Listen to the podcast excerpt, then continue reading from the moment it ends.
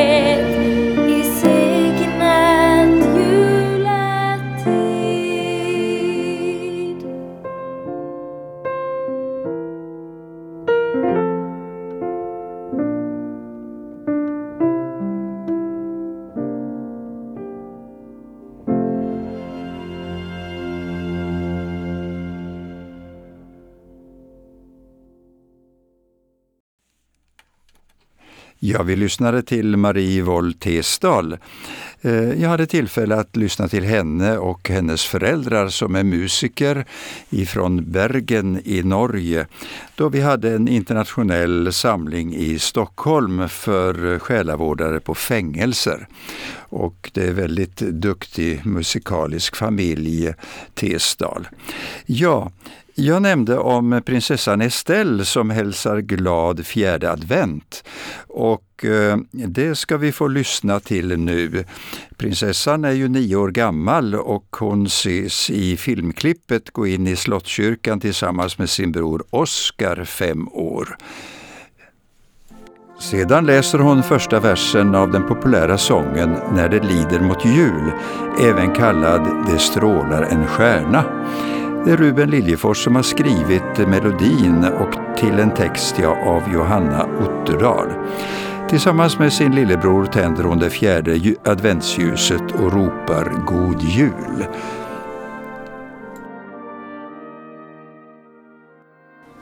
Det strålar en stjärna, förunderligt blid. I öster på himlen hon står. Hon lys över världens oro och strid i nära tvåtusende år. När dagen blir mörk och när snön faller vit, då skrider hon närmre, då kommer hon hit. Och då vet man att snart är det jul. God jul!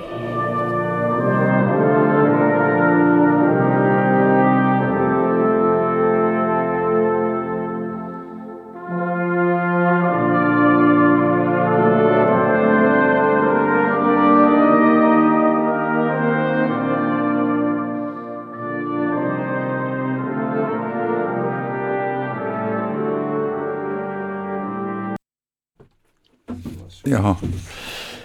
Även kungaparet sänder en adventshälsning på fjärde advent i form av en videohälsning från Stensalen på Drottningholm. Här läser drottning Silvia en bön skriven av Margareta Melin och som handlar om adventsljusen. Den inleds och avslutas med en önskan om vad advent kan innebära. Adventsljusen tänder vi ett efter ett, en brinnande bön för sanning och rätt. Tidigare i advent har både kronprinsessan Victoria, prins Daniel, Estelle och Oscar sänt hälsningar och besökt en julkrubba i Katarina kyrka på Stockholms södra höjder. Inför den kommande julhelgen ville de besöka eh, denna kyrka och titta på krubban.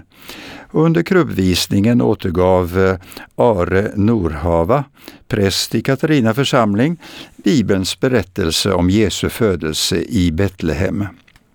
Han ställde frågan till Oskar om han hade sett en julkrubba förut och då svarade han med detsamma ja, hemma hos mormor och morfar. Så då vet vi att hos kungen och drottningen finns en julkrubba. En så fin tradition. Det är faktiskt svårt att hitta en julkrubba i våra dagar om någon vill köpa en sådan, kanske till barnen eller till barnbarnen, för att påminna om julens verkliga budskap. Då vill jag bara nämna om att det finns att köpa på olika kristna bokförlag eller bokhandlar som man kan googla på för att få adressen. Visst är det viktigt med julens verkliga budskap. När Estelle och Oskar fick julkrubbans betydelse berättad talades det också om stjärnan som sågs vid tiden för Jesu födelse. När det berättades tände prins Daniel ett tomtebloss och höll över julkrubban. En fin belysning på alla sätt hur hela naturen deltog i den viktiga händelsen när världens frälsare Jesus föddes till vår jord. Berättelsen om Jesu födelse är central i den kristna jultraditionen och bakgrunden till den julhögtid som i dagarna firas av många människor världen över. Ja, låt oss lyssna på sången Det strålar en stjärna. Och eh, det är eh, den unge sångaren Adrian Macéus, 11 år, som sjunger den sången.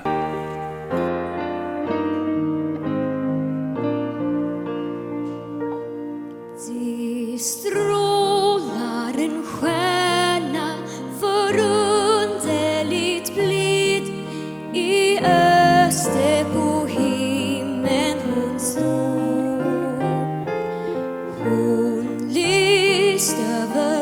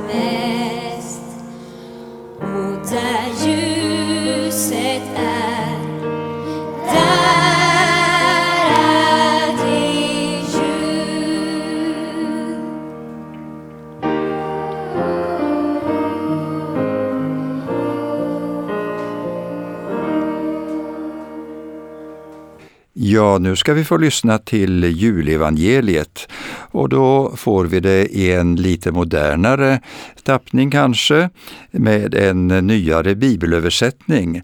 Och det är Elinor Oredsson som läser det. Ja, hon reciterar utan till hela julevangeliet och det gjorde hon i Ulriksbergskyrkans gudstjänst i söndags. Och eh, nu får vi lyssna till henne hur hon återger Bibelns text. Och det hände sig vid den tiden att från kejsare Augustus utgick ett påbud. Alla invånare i det romerska riket skulle bokföras. Man ville kontrollera så att alla betalade skatt. Det här var den första skattskrivningen och den hölls när Quirinius var ståthållare i Syrien. Alla gick då för att skattskriva sig, var och en till sin stad. Josef, han tillhörde kung Davids släkt, så han begav sig från Nasaret i Galileen till Betlehem i Judeen för att där skattskriva sig.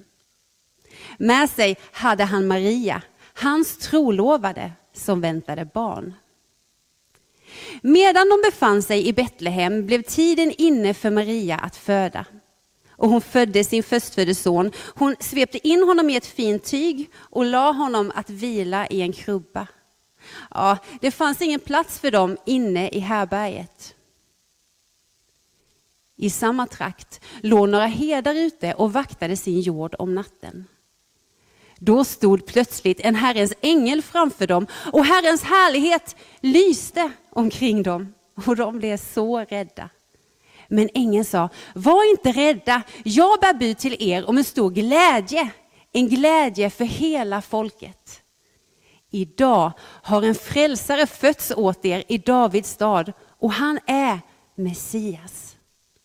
Det här ska vara tecknet. Ni ska finna ett nyfött barn som är lindat och ligger i en krubba.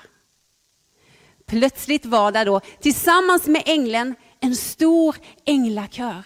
Och de lovade och de prisade Gud. Ära vare Gud i höjden och på jorden frid. När änglarna hade farit ifrån dem sa herdarna till varandra, kom, låt oss gå till Betlehem och se det fantastiska som har hänt och som Herren har låtit oss få veta. Och de skyndade iväg och de fann Josef och Maria och det nyfödda barnet i krubban. När de hade sett det berättade de för alla om allt som de hade fått höra och se om detta barn. Och alla som hörde det förundrade sig. Och Maria, hon tog det till sitt hjärta och bevarade och begrundade det. Och hedarna de vände tillbaka och de lovade och de prisade Gud. Allt var precis så som det hade blivit dem sagt. Ja, efter den bibelberättelsen så ska vi lyssna till Carolas sång Himlen i min famn. Den sången skildrar ju hur man tänker sig att eh, Maria håller Jesusbarnet i sin famn och eh, ställer sig många frågor inför vad detta barn kommer att eh, föra med sig i framtiden. Då lyssnar vi.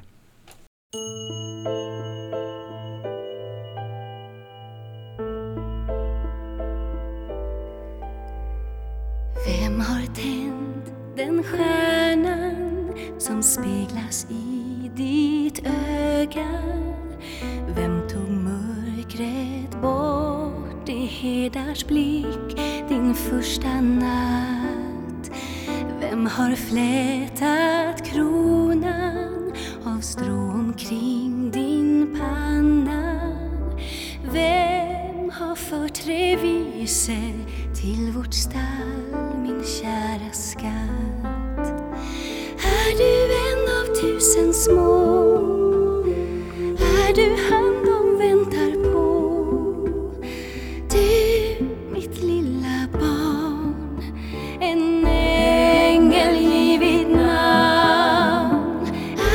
jordens dolda skatt. Jag fått skydd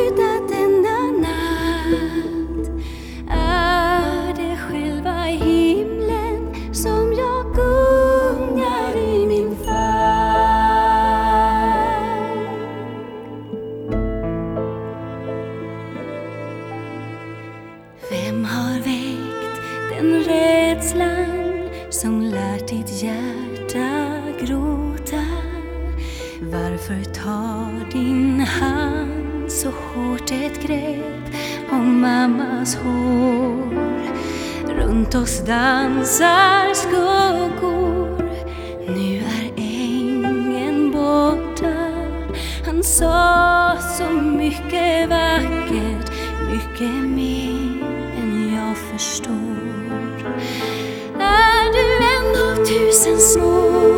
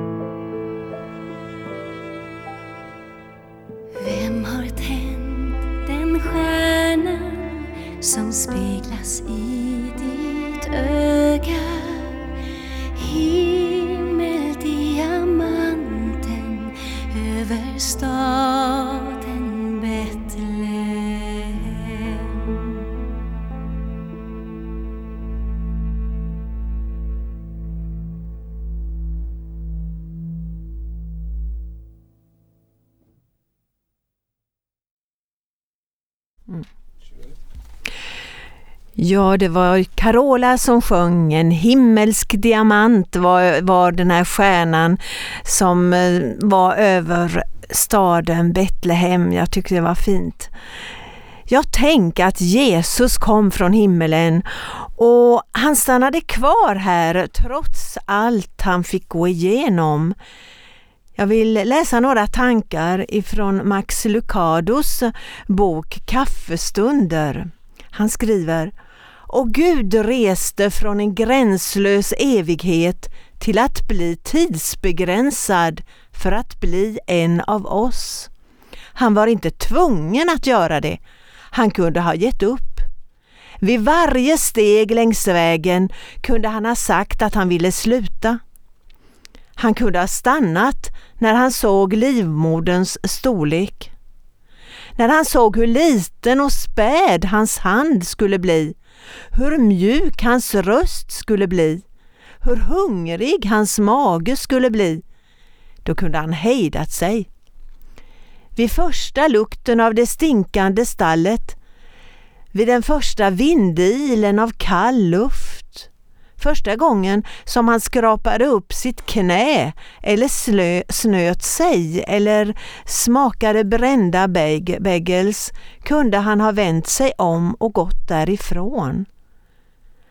När han såg det smutsiga golvet i huset i Nasaret eller när Josef gav honom en uppgift att göra och när hans studiekamrater slumrade till under Toraläsningen hans Tora. När hans granne missbrukade hans namn. När den late bonden skyllde sin dåliga säd på Gud. Ja, vid varje ögonblick kunde Jesus ha sagt Det var det, det räcker, jag åker hem. Men det gjorde han inte. Han gjorde inte det, för han är kärlek. Han är gränslös kärlek. Ett annat citat från samma författare som säger Din plats i himlen var viktigare för Gud än hans egen plats där. Så han gav, han gav upp sin så att du kunde få din. Tänk efter vilken gränslös kärlek Gud bevisade oss när han sände sin son hit ner till jorden och Jesus stannade kvar och gick vägen för oss. Vi lyssnar till tre barytoner Vad gränslös kärlek.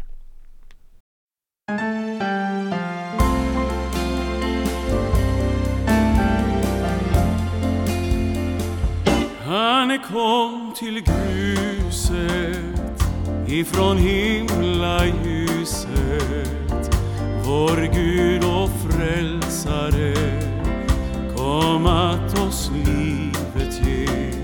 Han kom att födas i ett stall men dödas.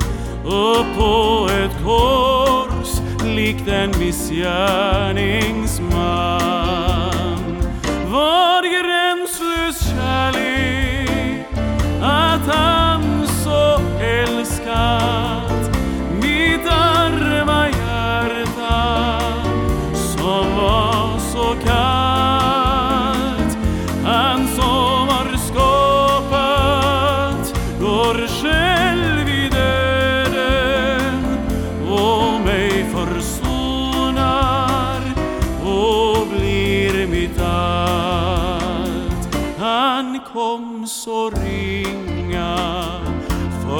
kärlek bringa där intet hopp fanns kvar men allt förlorat var.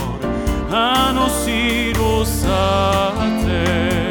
all den glans han hade att lyfta syndan upp till himlen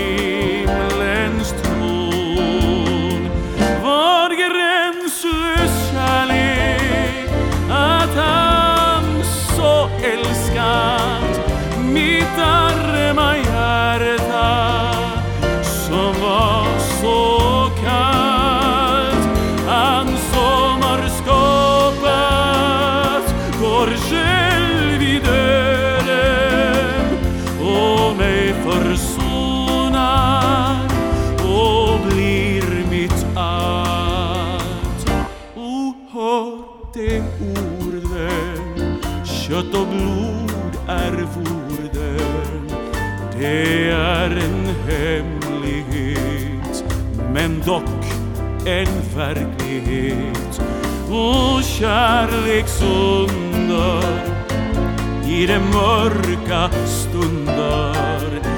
Jag vet att evigt han densamme är.